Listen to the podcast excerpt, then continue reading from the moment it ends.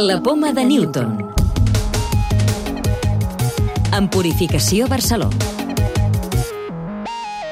Un fàrmac en assaig elimina les cèl·lules envellides. Serà el tema central del programa d'aquesta setmana, en el qual també descobrirem un videojoc aplicat a la logopèdia i també dades sobre la relació entre contaminació i ictus.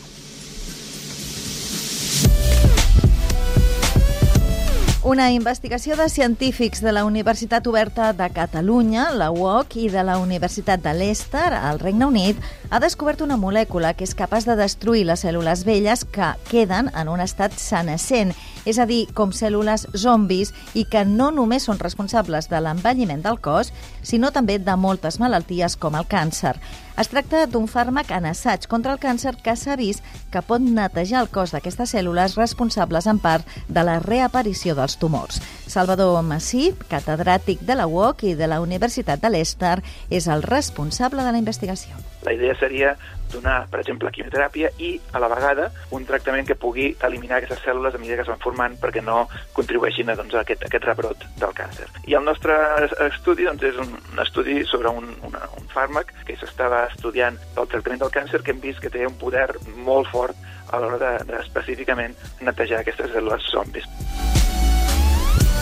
L'avantatge que sigui un fàrmac que ja està estudiat és que ja s'han fet proves de seguretat, per tant sabem que en principi es pot donar als pacients. Podríem proposar fer ja assajos clínics eh, en persones per veure si funciona o si realment pot ajudar a eliminar aquestes cèl·lules zombis en pacients de, de càncer que estan tractats amb altres fàrmacs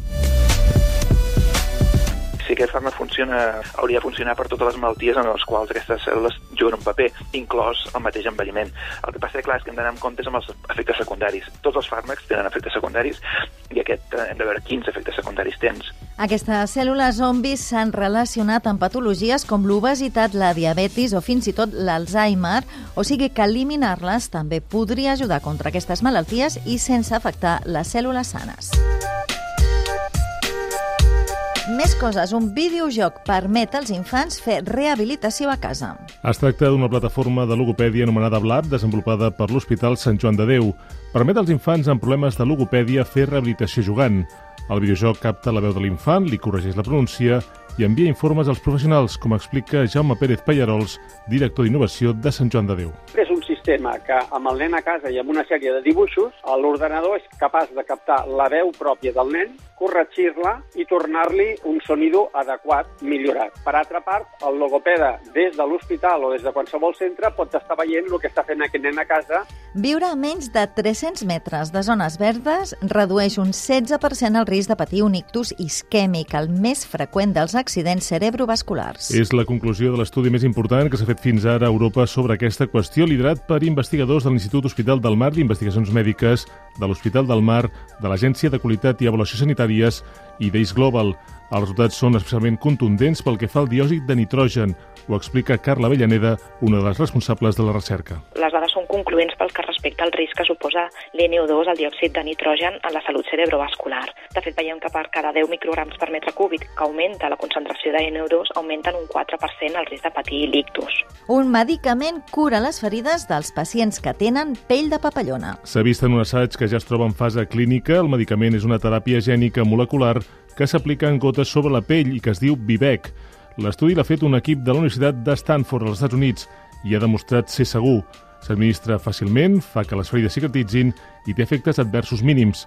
La pell de papallona és una malaltia genètica rara i incurable que afecta la pell, els teixits i les mucoses i fa que es tornin extremadament fràgils.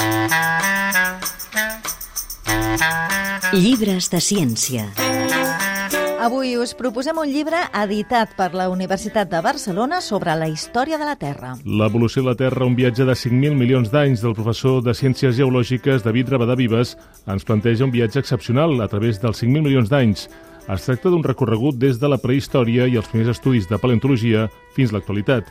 Tot plegat des d'una perspectiva crítica sobre com hem evolucionat com a humans i quina és la nostra relació amb el planeta i també amb l'entorn en el qual vivim un resum de la història evolutiva de la Terra que també ens pot ajudar a entendre'ns una mica millor a nosaltres mateixos. La clau de volta. Com es formen els forats negres? Joan Anton Català, astrofísic i divulgador científic. En el moment en què mor un estel gros en forma de supernova, en aquell moment es formen forats negres que tenen unes masses d'unes desenes de sols. Això són els forats negres estel·lars.